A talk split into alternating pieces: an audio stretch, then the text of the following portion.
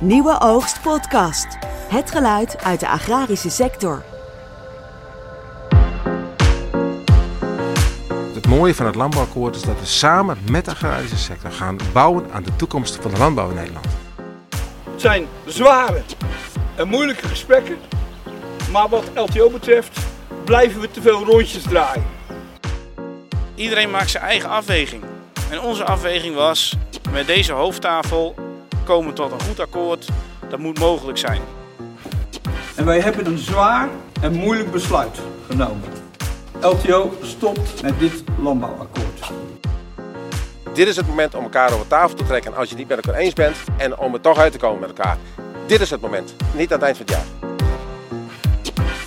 Welkom luisteraars bij weer een nieuwe aflevering van Haagse Oogst, de politieke podcast van Nieuwe Oogst, waarin we de ontwikkelingen in de landbouwpolitiek bespreken. En deze aflevering heeft natuurlijk wel uh, een hele interessante aanleiding, dat is het mislukken van het landbouwakkoord. En daarom zit ik hier vandaag met mijn collega en hoofdredacteur van Nieuwe Oogst, Esther de Snow. En met mijn collega en uh, coördinator van de Melkveeredactie, Martijn van Rossum. Welkom allemaal. Dank je. Dankjewel. Hoe hebben jullie afgelopen week beleefd? Het was een pittig weekje. Dat kunnen we wel zeggen. Met vooral heel veel emoties heb ik gezien.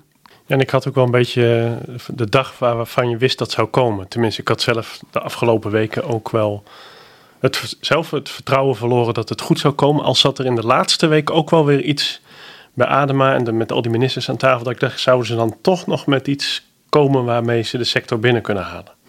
En met welke gevoel, welke emotie kijken jullie zelf uh, terug? Ik vind het jammer. Maar ik heb vooral ook heel veel uh, teleurstelling gezien bij de partijen die ook aan tafel zaten. Ja. He, natuurlijk bij Adema, die was zichtbaar uh, aangedaan. Ook het kabinet, de kabinetsleden die erbij betrokken waren op het laatst. maar ook wel bijvoorbeeld bij Roy Meijer en bij andere boerenorganisaties en, en hoofdrolspelers aan, aan de hoofdtafel. Ja, ik vind het in die zin jammer, maar dat is al langer. Ik ben, uh, werk hier denk ik nu uh, zo'n uh, vijf à zes jaar bij Nieuwe Oost. En we zijn natuurlijk al jaren aan het schrijven over een stikstofcrisis. Al jaren over het schrijven over de pasmelders. Grondgebonden. En je zou zo iedereen eens gunnen dat er gewoon perspectief komt en toekomst. En dat gevoel zit ik er vooral. Dat ik denk van, wat een onzekerheid en hoe lang houdt dat nog aan? En wanneer durven mensen nou weer eens vooruit te kijken? En is er weer vertrouwen tussen zowel overheid als boeren? En dat gebrek aan vertrouwen, dat zit natuurlijk dieper in de samenleving, maar dat is zeker in de agrarische sector, vind ik wel betreurenswaardig. Ja. Ik heb vorige week ook uh, in verschillende zalen gestaan, uh, met een wisselende rol. Uh, maar wat voor zalen? Kun je, kun je iets toelichten wat voor zalen dat waren? Ja, nou, onder andere in Brussel. Dat ging ook over de verduurzaming van de landbouw. Dat was op de Climate Tech. Daar werd een, een symposium georganiseerd over dus inderdaad de verduurzaming van de landbouw. Uh, maar ook uh, donderdagmiddag was ik uh, bij een bijeenkomst over stalinnovaties vanuit de taskforce. stalinnovaties en mest. daar waren zeker ook veel boeren aanwezig. Maar je, ik, daar proefde ik echt ook teleurstelling. Echt teleurstelling. En de onzekerheid ook over wat, waar gaan we nu naartoe? hoe moet het dan nu? Maar tegelijkertijd zie ik ook bij die bijeenkomsten toch ook heel erg veel energie en dat er ook al heel veel gebeurt. Gewoon van onderop. En misschien is dat uiteindelijk uh, ook zit, nog niet eens zo. Het zit er allebei slecht. in, hè, soms. Want wij uh, voor Nieuwe Oogst schrijven heel veel mooie verhalen, inspirerende verhalen, mensen die echt vooruit willen. Uh, dat zit allemaal in de sector. Tegelijkertijd hebben we bijvoorbeeld ook, volgens mij was het onze columnist Rudy Frederiks die dat zei van je kunt moeilijk vooruitkijken door de mist. En die mist die hangt er ook nog steeds. Hè? Ja. En dat is het ingewikkelde. Mensen willen wel, uh, mensen zien ook zeker wel kansen, maar die mist is er ook nog steeds. Ja. En uh, op welke punten is het dan misgelopen? Nou ja, als we natuurlijk uh, volgens de eerste verklaring toen van LTO, toen zij dinsdagavond naar buiten kwamen, gaven zij als reden dat er geen vertrouwen was. Dat was eigenlijk wel voor het eerst dat we die reden zo specifiek hoorden. Hè? Daarvoor gaven ze eigenlijk geen reden. Of uh, waren het uh, vooral inhoudelijke punten.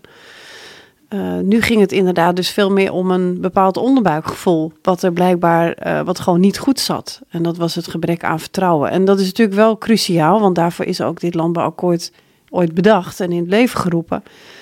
juist om dat vertrouwen tussen de sector, tussen de boeren en de overheid weer tot stand te brengen. Om weer, ja, dat weer te helen, zeg maar. Nou ja, blijkbaar is dat dus niet gelukt. Onvoldoende. Maar als we iets dieper inzoomen, dan, hè, behalve dan dat, dat argument van vertrouwen, ja, dan zit het hem ook in die afrekenbare stoffenbalans. Uh, het zit hem ook in onvoldoende perspectief. Um, en dat zit hem met name dan op het vlak van verdienvermogen. Maar ik denk dat er ook iets anders speelt. Uh, LTO heeft natuurlijk te maken met een hele diverse, hele grote achterban. Met uh, verschillende stromingen. Uh, boeren die echt tegen zijn, maar zeker ook boeren die voor zijn. En ik denk dat zij het onder de druk van de tegenstanders het niet hebben aangedurfd. En die tegenstanders bevinden zich zowel binnen LTO als buiten LTO. Want met dat krachtveld heeft de LTO natuurlijk ook mee te maken. Met een FDF en een agractie en een, een Nederlandse melkveehoudersvakbond... die al in een eerder stadium waren uh, afgehaakt. En uh, ja, durf je dan iets te gaan tekenen met je eigen achterban... maar ook binnen dat spectrum met alle krachten binnen de sector... Maar toch ook dingen in zullen zitten die uh, niet bij iedereen populair zullen zijn, zeg maar. Uh, ja, daar is natuurlijk, het, trouwens het woord vertrouwen was ook het eerste waar ik aan dacht hoor. Van waarom is het nou niet gelukt, vertrouwen. Ik heb iemand horen zeggen, die zei van in normale tijden, in rustiger tijden waren we met elkaar echt wel uitgekomen. Maar, in deze tijd staat alles zo onder hoogspanning. Ja, dat het in deze tijd niet lukt. Maar, maar ik, ik, heb ook wel begrepen dat in, in, in, in het akkoord dat bedoeld was om perspectief te bieden. Er zijn ook weer heel veel nieuwe eisen aangekondigd voor de sector. En de wens die de sector had, zeg maar die stoffenbalans, dat werd, was dan heel vaag. We gaan daar een eerste aanzet voor geven. dus eerst komt er dan een, een, een, nieuwe norm aan, dat heet dan de, de GVE of de gaslandnorm. Dat is eigenlijk een grote verzwaring. En pas, en pas dan gaan we spreken over de over de, eh, de stoffenbalans. Dat was eigenlijk ook een volgorde die, die niet lekker zat. Ja. Nee, maar ik denk dat er ook iets anders nog aan de hand is. Kijk, eh, zoals Ademaat zei, zij wilde echt een voldragen landbouwakkoord hebben. Hè? Uh, eh, LTO is eigenlijk ook bij de start van het landbouwakkoord meteen uh, ook de diepte ingeschoten. Heel inhoudelijk, zeg maar, hebben zij dit ook aangevlogen. Uh, aan de slag inderdaad met nieuw beleid, het uitwerken van nieuw beleid enzovoorts. En eigenlijk dat ook op alle beleidsterreinen die ook zo'n beetje maar denkbaar zijn. Uh, en ik denk dat daar ook uh, ergens een fout zit, uh, want dat is zo'n grote opgave dat dat eigenlijk gewoon niet kan. Ik denk, het gaat vooral om een beweging. Hè? Het, het akkoord heet ook in beweging. Het gaat toch vooral om een beweging die je met elkaar in gang wil zetten in de sector. Uh, het gaat ook om dan die stip op de horizon. Waar, waar moeten we zijn in 2040? Wat voor land- en tuinbouw willen we dan hebben? Begint het ook met de vraag: wat voor samenleving hebben we dan? Uh, en, en hoe moet die landbouw zich daar dan toe verhouden?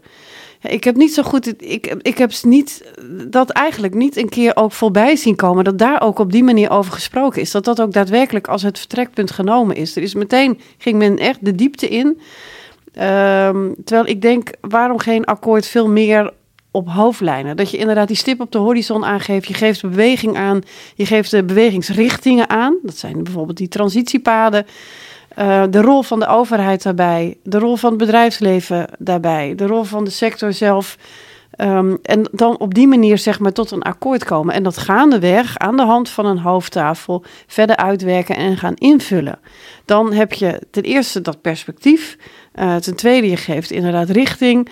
Um, je, je bouwt het wel uit en je werkt het uit zeg maar, tot, tot daar waar mogelijk is. Maar daar waar nog niet mogelijk is, dat, dan ga je gaandeweg mee aan de gang. En nu wil, willen ze alles, zeg maar, dat die hele puzzel gelegd hebben. Ja, dat, er mag niks vergeten worden, daar komt het eigenlijk op neer. Ik noem nee, het zelf als achter een, de komma. Ja, een duizend dingen doekje. Ja, en, en, ik vond het, en dat ik vond gaat ook, niet. Ik vond ook hoe het opgeschreven is. Hè. Het, is het is bijna een soort werkstuk van, van iemand die gaat afstuderen... en die een scriptie heeft geschreven over de landbouw. Want heel veel wat erin staat is dus, gaat over de situatie zoals die nu is. En dan denk ik, ja, maar waarom moet je dat allemaal zo heel diep uitwerken? Ja. Ja, je moet eigenlijk het verhaal vertellen waarom je weer trots zou mogen zijn met elkaar, ook op de landbouw. Dat geeft vertrouwen. Ik weet niet, hebben jullie trouwens iets gelezen in het, uh, over de, de, strategische waarde van de landbouw? Dat zit er wel in, hè? Ja, daar zit er wel wat in, ja. Maar het, eh, dat, dat is eigenlijk het verhaal volgens mij wat je wil uitdragen met elkaar. Waarom ja. een, een, boer ook weer het vertrouwen krijgt. Die, die overheid van ons, die staat volledig achter de sector. Het gaat ja, wel anders worden. Precies. Maar die draai gaan we met elkaar maken en we kunnen hiermee vooruit. En dat is eh, niet iets wat zacht staat. Want dat werd nu al gezegd. Hè? De maatregelen die nodig zijn voor klimaat, natuur, uh, veedichtheid. zijn eigenlijk allemaal harde eisen. Terwijl de perspectiefdingen die zijn zachter. Uh, dat moet, uh, maar dat is ook wel een disbalans dan. Ja. Zeg maar die in dit... ja, die hierin staat. Er staat in dat in 2040 Nederland nog steeds een koploperspositie moet hebben. Ja in de landbouw. Ja, dat nou, staat erin. Dat is, dat is heel goed. Maar ik, wat ik vooral zie is bij de boeren, ook die ik spreek, ook privé. Uh, zij, willen zij staan echt wel, ze staan te popelen eigenlijk om verder te gaan. En om te weten van uh, waarin moet ik investeren, welke keuzes moet ik maken voor mijn bedrijf. Daar had dit landbouwakkoord dus antwoord op moeten geven. Uh, zij snakken naar die duidelijkheid en ze snakken naar constructief meerjarig beleid. Daar had dit ook antwoord op moeten geven. En ik vind, als ik het landbouwakkoord zie, vind ik er ontzettend veel in staan. Het is ook goed opgeschreven, helder opgeschreven, het is begrijpelijk. Um, maar ja, die boeren die blijven nog steeds wel met die hoe-vraag van welke keuzes moet ik nou maken? Waar doe ik nu goed aan? Wat wordt er van mij verwacht? En het is wel belangrijk dat daar heel snel toch duidelijkheid over komt. En die duidelijkheid is er nog niet. Nee. In die zin is wel bijzonder. Hè? Precies een jaar geleden, op 10 juni vorig jaar, kwam Staghouwer met zijn perspectiefbrief. Ja. En als je dan nu kijkt, we zijn een jaar later, is er nog, eigenlijk nog helemaal niets veranderd hè, voor de boeren. Ze weten nog steeds niet nee. waar ze aan toe zijn. Terwijl ik toch bijna geen boer meer tegenkom uh, die niet wil. En die niet wil gaan verduurzamen. Die echt wel aan de slag wil met die opgaves die inderdaad ook heel groot zijn, maar die daar echt wel mee aan de slag wil.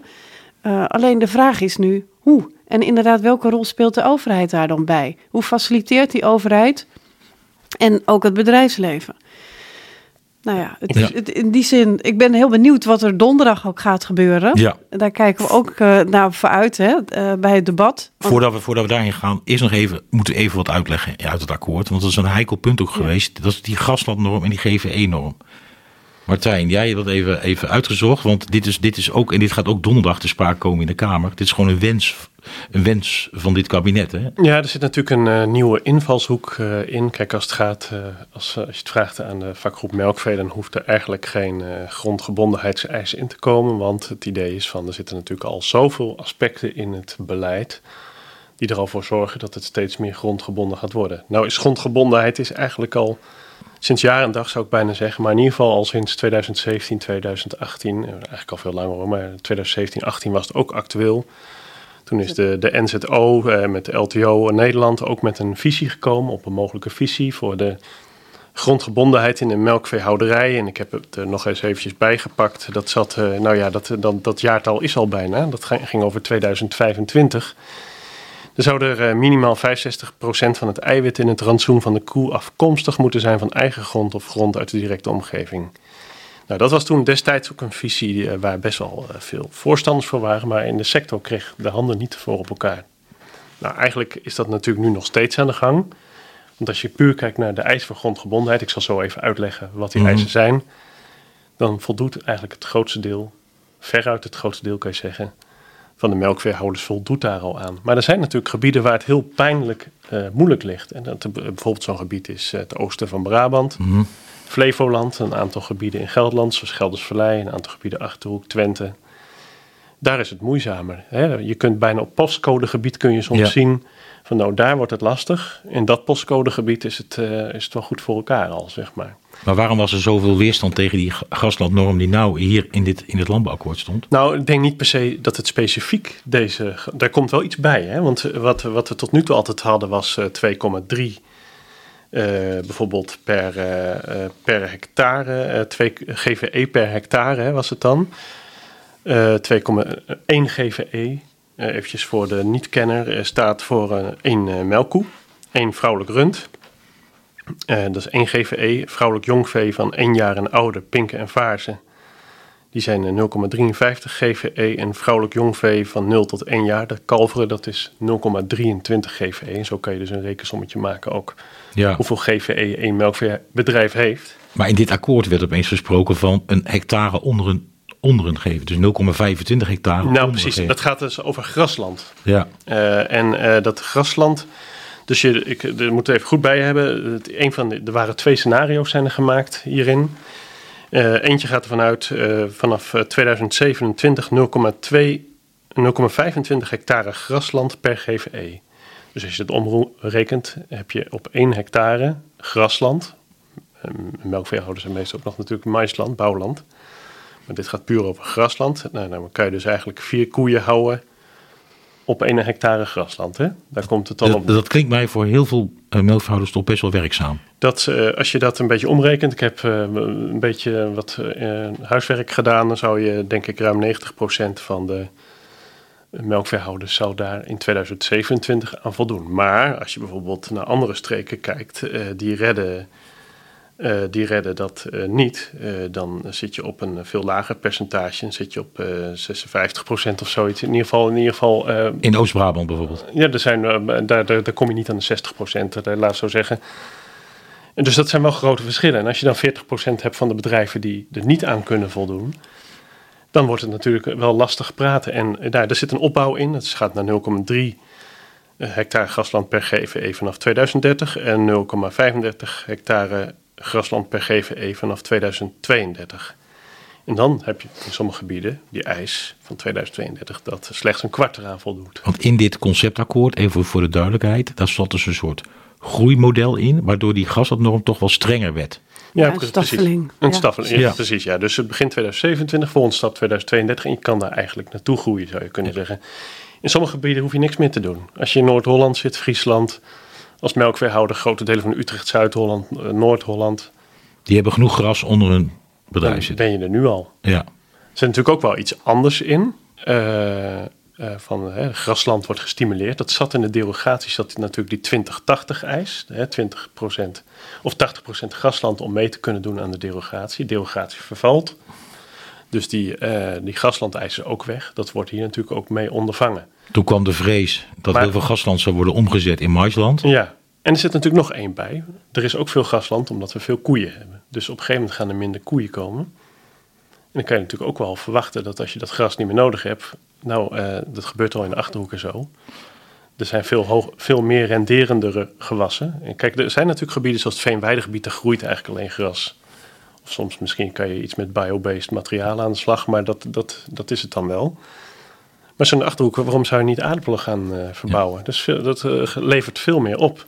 En die concurrentie is ook al gaande om de grond. Dus nou ja, er zitten best wel wat dingen nog achter. Maar de boerenorganisaties hebben hier ook al wel heel veel op binnengehaald. Hè? Want eh, LNV eh, is vertrokken eh, bij de onderhandelingen met een, een norm van 1,7 GVE per hectare. Echt bizar streng. En dit is dus Ja. eigenlijk vier geworden. Ja, Nou, dat, Om te starten. en om, vier om te starten. en, gaat, en dit twee gaat over grasland, hè? Dat andere Zeker, was- maar ja. als je het omrekent, dan kom je inderdaad uit op 4 eh, GVE eh, per hectare start. En uiteindelijk eh, via die staffel hè, kom je uit op 2,8.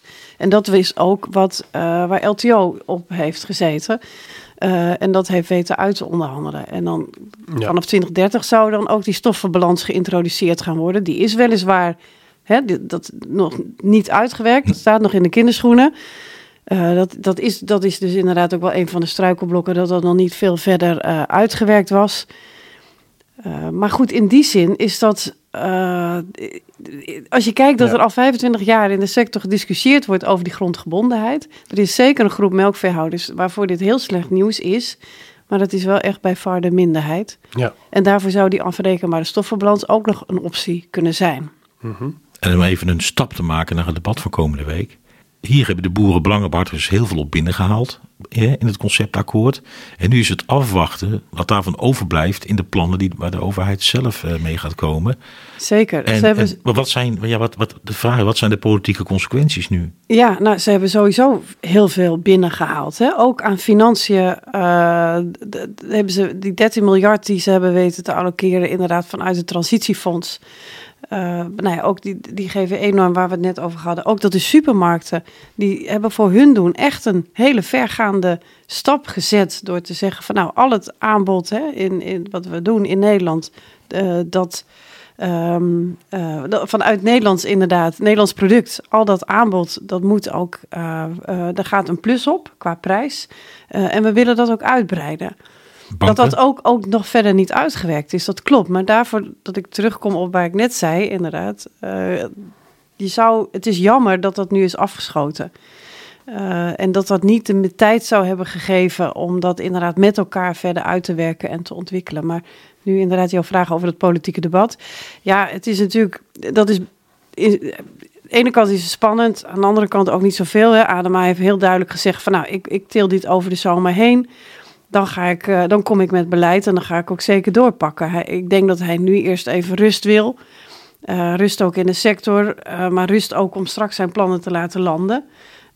Maar ook zelf ook wellicht rust. Ik bedoel, hij, maar ook iedereen binnen LNV, maar ook bij de boerenorganisatie natuurlijk, de onderhandelaars, die hebben echt de afgelopen maanden zijn ze met niets anders dag en nacht bezig geweest. Dus daar is ook wel een bepaalde uitputtingsslag geweest, denk ik. Ik hoorde iemand zeggen, ik moet nu afkicken. Ja.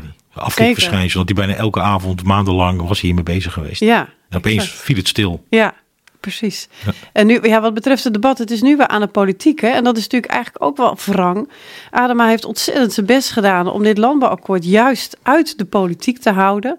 Om echt, tot, tot frustratie ook hè, van de Tweede Kamer, om dit echt eerst met de, met de boerenorganisaties en de stakeholders, de supermarkten enzovoort, om eerst zo'n landbouwakkoord uit te onderhandelen. Buiten de politiek om, hè? Echt buiten de politiek om. Hij heeft verschillende keren dat in de Tweede Kamer met, met verven staan verdedigen.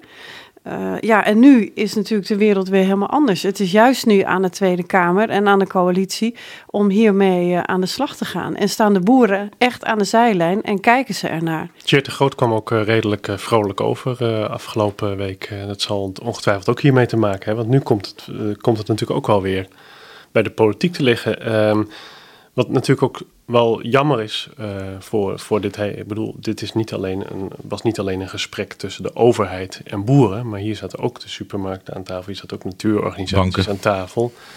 En je kunt natuurlijk een veel meer. Uh, ja, uh, voor de toekomst een stabielere. ja, bedoel, dan kan je wel met de supermarkt kan je wel praten over geld, zeg maar. En als er straks een voorstel komt van Adema, dan is dat niet een voorstel namens de supermarkten. Daar zit niet een, uh, nou misschien zitten er wat stimulerende maatregelen in. Maar het is natuurlijk nooit, wat Geen je kunt het is niet wat je kunt bereiken aan een tafel met alle partijen, zeg maar. Dus in principe is het veel meer van bovenaf, wij gaan nu zeggen hoe, hoe we het willen gaan doen. En ja, je staat nu aan de zijlijn en kunt daar wel op reageren. Of je kunt de trekker weer oppoetsen en uh, weer naar het Malieveld gaan.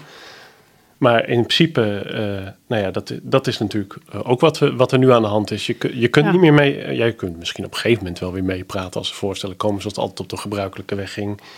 En via de lobby en via dat soort zaken, dat komt natuurlijk wel weer terug. Ja, eh, precies. Maar, hè, maar dit gesprek, zoals het nu was, was Nee, natuurlijk in die zin wel. onderhandeld. Nee, ja, was in nee. die zin uniek. En is natuurlijk jammer dat het niet tot een resultaat heeft kunnen leiden. En als ik het zagrijn ook zie bij Adema, dan, dan ben ik benieuwd wanneer hij weer in staat eh, gaat zijn om ook weer daadwerkelijk zelf met de boerenorganisaties om tafel eh, te gaan.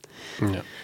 En ik denk dat ook wel een inschatting wellicht ook hierachter zit, is eh, dat met het mislukken van het landbouwakkoord ook het kabinet instabieler zou worden. Met het idee wellicht dat er dan verkiezingen gaan komen en dat er dan een BBB-coalitie gaat komen. Uh, bijvoorbeeld met VVD, CDA, ja 21 zou een, voorbeeld hè, kunnen zijn.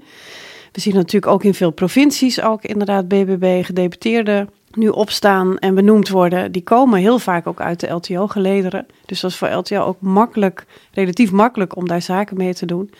Dat daar ook wel op gegokt is om, om dat ook nu in Den Haag voor elkaar te gaan krijgen. Maar op dit moment zie ik eerlijk gezegd het tegenovergestelde gebeuren. En zie ik juist de coalitiepartijen eerder naar elkaar toe bewegen, in elkaars armen gedreven worden. uh, dan, uh, dan dat er inderdaad dan dat ze instabieler zouden zijn. Ja. De samenwerking met de provincies wordt overigens nog wel een spannende hè, met BBB. Want er zijn al twee provincies, zoals mij Limburg en Gelderland, die uh, gezegd hebben: wij doen geen 2030, het wordt 2035. Ja.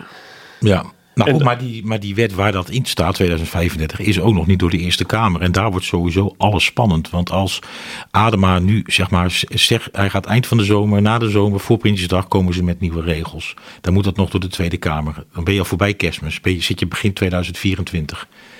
Het is altijd zo dat de politiek, kijk, we gaan in maart 2025 gaan we naar de stembus. Maar het verkiezingsseizoen begint altijd na de zomer, dus september uh, 2024. Daarna worden er niet veel wetten meer aangenomen. Dus dan heeft hij een hele korte spanne, heeft hij zeg maar vanaf begin 2024 tot september, waarin dat moet gebeuren. En ook nog in de Eerste Kamer. Ja, maar ik verwacht eigenlijk dat die Eerste Kamer helemaal niet zo'n issue is, omdat ze over links kunnen. Ja, dat risico. Ja, nee, maar die kans zit er heel groot in. Maar dat lijkt ook nu de enige mogelijkheid te zijn. Ja. Want Ja. over rechts ga je dit niet regelen. Nee, Nee. waarschijnlijk niet, inderdaad. En ja, wa- wat, wat, wat, verwachten jullie? Er zal zeg maar een groot gedeelte van eh, wat er nu aan concept landbouwakkoord lag, eh, straks ook eh, de basis zijn voor de, de, nou, de voorstellen waar Adema mee zal willen komen. Ligt wel voor de hand toch, om hier gewoon Nou, op er voor te borduren? Er zitten hele goede dingen in die ook gewoon bij, bij de sector goed kan, kan, kan vallen. Denk, ik weet ook wel dat er vanuit, zeg maar, vanuit CDA, die, die stoffenbalans, dat is ook wel een speerpunt van VVD en CDA om daar heel gauw mee te komen. Er zit wel druk, een bepaalde druk uit van eh, ga nou eens concreet mee aan de slag. Hang nou eens een aantal boerderijen vol met sensoren. Heel veel pilots zijn er al geweest. Ik zag laatst een enige frustratie bij Dirk Boswijk over het feit dat het allemaal zo lang duurt voordat dat eens een keer in de praktijk op gang komt. Hij wilde een motie indienen om, eh, om wat pilots af te dwingen. Maar Adema zei zelf dat hij ook helemaal dol was op eh, sensoren, omdat hij uit de techniekhoek komt. Ja. Dus ik verwacht wel dat, ik verwacht wel dat daar stappen in komen. Ja, en we weten van eh, Van der Wal, die heeft laatst ook bij ons gezegd in het interview dat zij inderdaad bezig is met een systeem van normeren en beprijzen. Het moet overigens niet gelden alleen voor de agrarische sector, maar zeker ook voor de industrie. Maar dat dat inderdaad ook wel uitrolbaar gaat zijn eh, naar de agrarische sector. Dus daar, daar wordt wel Ja. concreet aan gewerkt. Ik denk dat een van de issues daarbinnen ook, het is best wel een kostbaar systeem natuurlijk. Hè, om bij elke boerderij, misschien grote boerderijen, misschien wel twee, drie sensoren in het water te plaatsen. Ook nog een paar op de stal, rond de stal. Ja. Wie gaat dan dat betalen? Hè? Nou ja, ik sprak laatst Ruud Thijssens. Die is natuurlijk innovatiegezant geweest. eh, van aangesteld door, eh, door eh, LNV.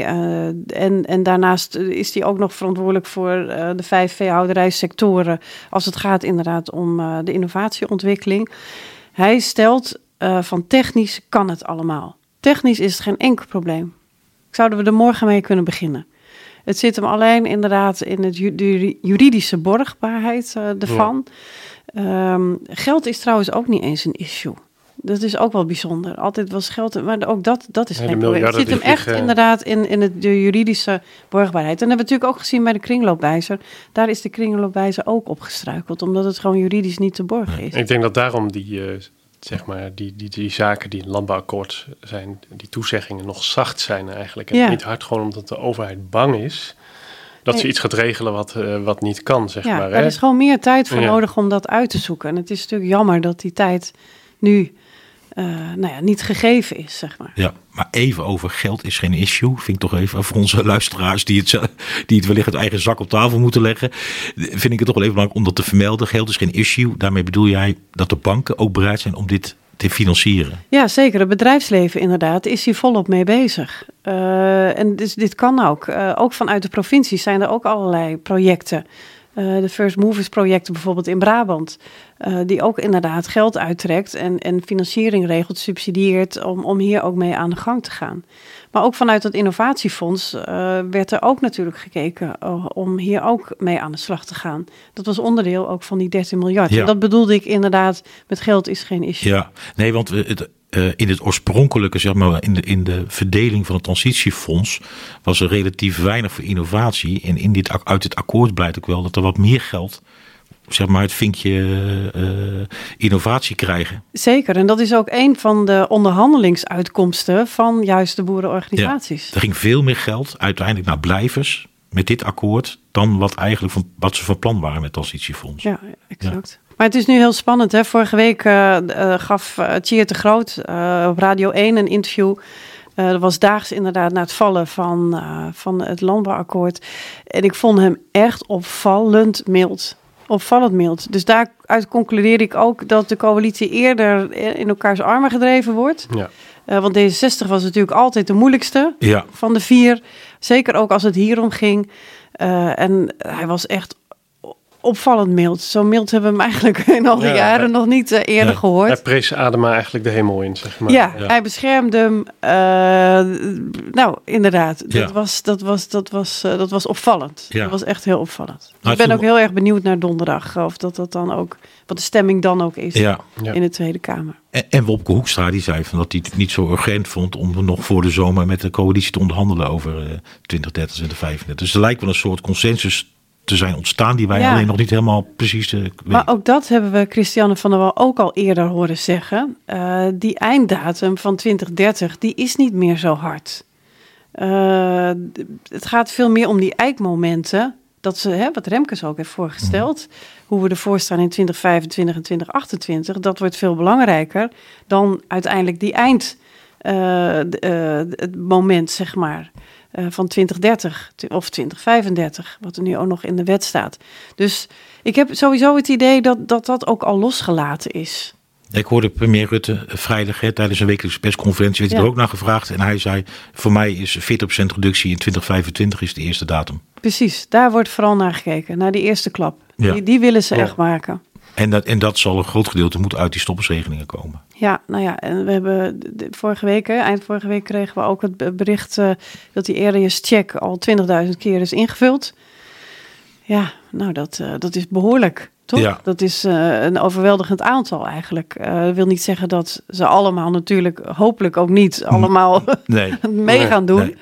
nee. Maar ja, dat daar wel een x-percentage uit gaat komen, dat, dat lijkt me evident. Nou, het doel van die hele regeling, vooral die plusregeling, is 500 tot 600 piekbelasters.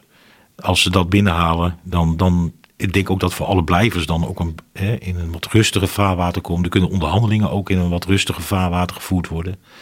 Dan is de druk van de ketel. En je merkt ook in de Tweede Kamer, iedereen hoopt daar een beetje op. Ja, Ja, het is ook inderdaad toch wel heel erg afwachten. Het is natuurlijk ook eh, die piekbelasters, eh, nou ja, dat hebben we ook gezien natuurlijk, die staatjes met die verdelingen.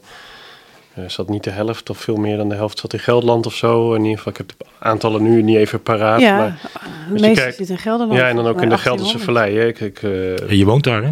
ja, het is in principe als je in eh, de gemeente Ede, Barneveld, eh, Scherpenzeel, Renswoude, Woudenberg eh, woont, dan ben je altijd piekbelaster, ook al heb je maar 20 koeien. Hè? Dus dat is natuurlijk wel, eh, ja, het is heel erg gebiedsafhankelijk. En eh, ja, ik moest wel, ik, ik weet niet, eh, des- destijds was er heel veel eh ophef over het eh, kaartje van Van der Wal natuurlijk, met die zonering. Dat kwam eigenlijk een beetje voort uit een plan van Jan-Willem Erisman en landschapsarchitect Strootman. En daar zag je dus ook eigenlijk die hele Gelderse vallei zag je helemaal rood kleuren destijds. Er was heel veel verbolgenheid over. Maar eigenlijk zie je dat natuurlijk terugkeren nu in die stoppersregeling. Dat die gebieden die toen gekleurd waren, dat daar nu ook de meeste bedrijven zijn die in aanmerking komen. Maar goed, Maar nu zit die vrijwilligheid erin, hè?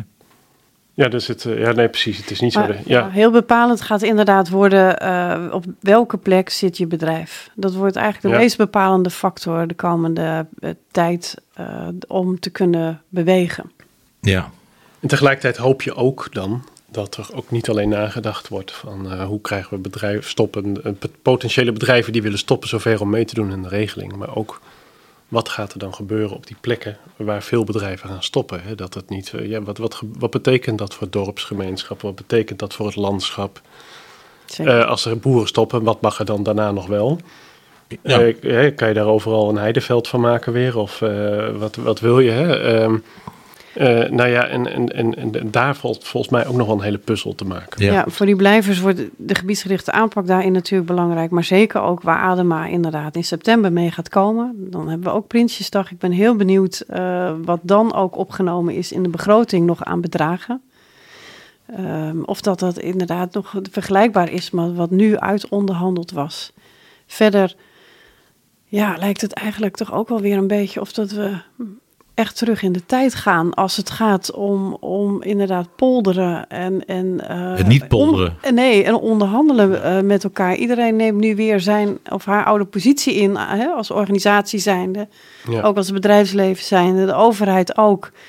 En het is nog maar de vraag of dat, dat weer een keer samen kan gaan komen. Het lijkt eh, alsof in onze samenleving voor polderen eigenlijk geen plek meer is. Hè? Dat, eh, het- de polarisering is natuurlijk heel erg eh, groot. En die is ook in de sector, vind ik, heel erg te merken. Ja, en toch zal die beweging met elkaar gemaakt moeten gaan worden. Daar zal iedereen, ook de stakeholders van de landbouw dus, met daarin het bedrijfsleven, de supermarkten, de hele keten. En ik vond dat dat ook wel mooi omschreven stond in de tekst van het akkoord, tot en met de consument aan toe. Ja, die zullen toch met elkaar die beweging moeten gaan maken. En dat zal je echt toch met elkaar moeten gaan doen. Ja, we gaan uh, langzamerhand richting een, uh, een afronding. Dat hoor ik ook al een beetje aan jullie uh, intonatie. Ik heb nog wel even, even één, één afsluitende vraag. Wat gaat dit betekenen voor de belangenbehartiging? Nu, nu deze, ja, we zijn, nu weer in die status quo beland. Ik, ik, ik, ik, ben een, ik, vind, ik vind dat een hele spannende, moet ik eerlijk zeggen. Het viel mij op dat Adema en trouwens ook Van der Wal zich heel erg richt op de NAJK de jonge boeren noemen ze keer op keer op keer. Uh, hoe belangrijk het is dat zij inderdaad de ruimte gaan krijgen. Hoe belangrijk hun positie ook is als vertegenwoordiging. Uh, ik, ik, hoop echt ook dat voor de jonge boeren er inderdaad wel dat toekomstperspectief gaan, gaat komen ook. En dat daar duidelijkheid ook over gaat komen, waar we het in het begin ook over hadden, van welke keuzes moeten zij nu gaan maken. Ja, en verder, ik, ik ben heel benieuwd hoe lang het zaggerijn ook blijft bij... Uh, bij de politiek. Ja, bij de politiek. Ten aanzien vooral toch van LTO. Het viel mij op in de media, en dat viel me eigenlijk al de, de ene laatste keer op bij Villa Okkenburg toen we daar waren, dat het, het sentiment bij het Soenaille eh, toch echt wel begon om te slaan. Eerst keek iedereen naar LTO. Hè. LTO was de speler, alles draaide om LTO. Ehm, ja, en dat, dat veranderde, dat begon wel te veranderen. Dat, wat ik al zei, dat merkte ik al de laatste keer. Het werd te onduidelijk. weggaan, weer terugkomen, bijna weggaan, toch weer uh, terugkomen, nou ja, enzovoorts. Ook om, om wat onduidelijke redenen, of dat er geen antwoord gegeven werd op vragen als van, waar, maar waar zit het dan nu nog op? Wat wilt u dan nu nog van het kabinet? Ja, en dan uiteindelijk komen inderdaad met als reden vertrouwen, gebrek aan vertrouwen ik, ik, ik, proefde daar heel sterk inderdaad bij uh, de journalisten die daar aanwezig was, en dat, dat waren er heel veel, um, dat dat sentiment wel begon te veranderen ten aanzien van LTO. En dat heb, heb ik ook wel gezien in de berichtgeving. Ja, en in de uitzending van Jinek uh, vond ik het ook wel, de, de vraagstelling natuurlijk. Ja. Uh, er is best wel, wordt ook best wel kritisch gekeken. En dan moet je natuurlijk ook als sector niet vergeten dat de bezorgdheid en de zorgen en de boosheid en het wantrouwen in de sector is heel groot. Maar de samenleving als geheel kijkt hier toch weer anders naar. Zeker. Die denkt van jongens, uh, nou zijn jullie al zo lang bezig met dat landbouwakkoord. En dan lopen jullie uh, weg. Ik bedoel, zeg maar, zoals denk ik toch veel Nederlanders dat ook zullen zien. En er is echt wel veel steun voor de agrarische sector hoor. Maar ik, ik, je, proefde in de, je proefde in de, in de samenleving ook wel eens een keer een behoefte van... nou, het zou, mooi, zou toch eens mooi zijn als dit wordt opgelost. Ja. En niet weer zo'n zomer als vorig jaar. Ja, precies. Brandende hooibaar. Daar, ja. Als dat gebeurt, dan is er echt alle goed wil weg. Dat proef je ook wel. En ja, en dat is het ook. Hè? Ik bedoel, we hebben ook uh, de andere agrarische, meer de harde agrarische, de hardlijners in de agrarische sector... Uh, de afgelopen maanden ook niet of nauwelijks ook gezien. Ook niet in de media. En nu zag je ze in één keer wel weer, werden ze wel weer aan het woord gelaten. Um, ja, dat is ook wel weer een teken aan de wand. Uh, eh, LTO laat daar wel iets weer ontstaan, zeg maar, uh, door deze keuze te maken. Nee, ik zou hopen dat, dat ook binnen de sector gewoon de eensgezindheid eens een keer wat beter kan worden. Want als je elkaar gaat bestrijden, om het zo maar te zeggen, hè, binnen de sector. Uh, als, elke keer uh, als uh, Sjaak van der Tak iets gezegd heeft en er verschijnen YouTube-filmpjes waar die helemaal bekritiseerd wordt. Ja, dan zaag je ook wel weer de, poot, de, de stoelpoten weg onder Sjaak, zeg maar. En ja, uiteindelijk is het natuurlijk voor de sector, lijkt mij, niet sterk. Als je zo'n verdeeldheid hebt en dat er, dat, dan, ja, wie is dan nog het gezicht van de sector? Dat wordt natuurlijk best een lastig verhaal als iedereen ook binnen uh, belangenbehartiging uh, met elkaar overhoop ligt. Ja, dat, dan, waar, waar, moeten, waar moeten we dan naar kijken, zeg maar? Hè? Dat is voor de samenleving ook lastig. Ja. Nou, met die waarschuwing. Ja, optimistisch verhaal. Dan zo. Ja, nou met die waarschuwing sluiten we dan maar af. Esther, dankjewel. De eerste keer. Ik hoop dat het beval is. Kun je ons vaker aanschuiven? Jazeker, dankjewel uh, voor de uitnodiging, Peter. En Martijn, uh, nou, goed je huiswerk gedaan. De volgende keer uh, dan uh, vragen we je, als het weer over melkverhouderij gaat, dan vragen we je er weer bij. Luisteraars, heel erg bedankt voor het luisteren. En nou, u kunt ons vinden op Spotify en op andere platforms voor podcast. tot een volgende keer.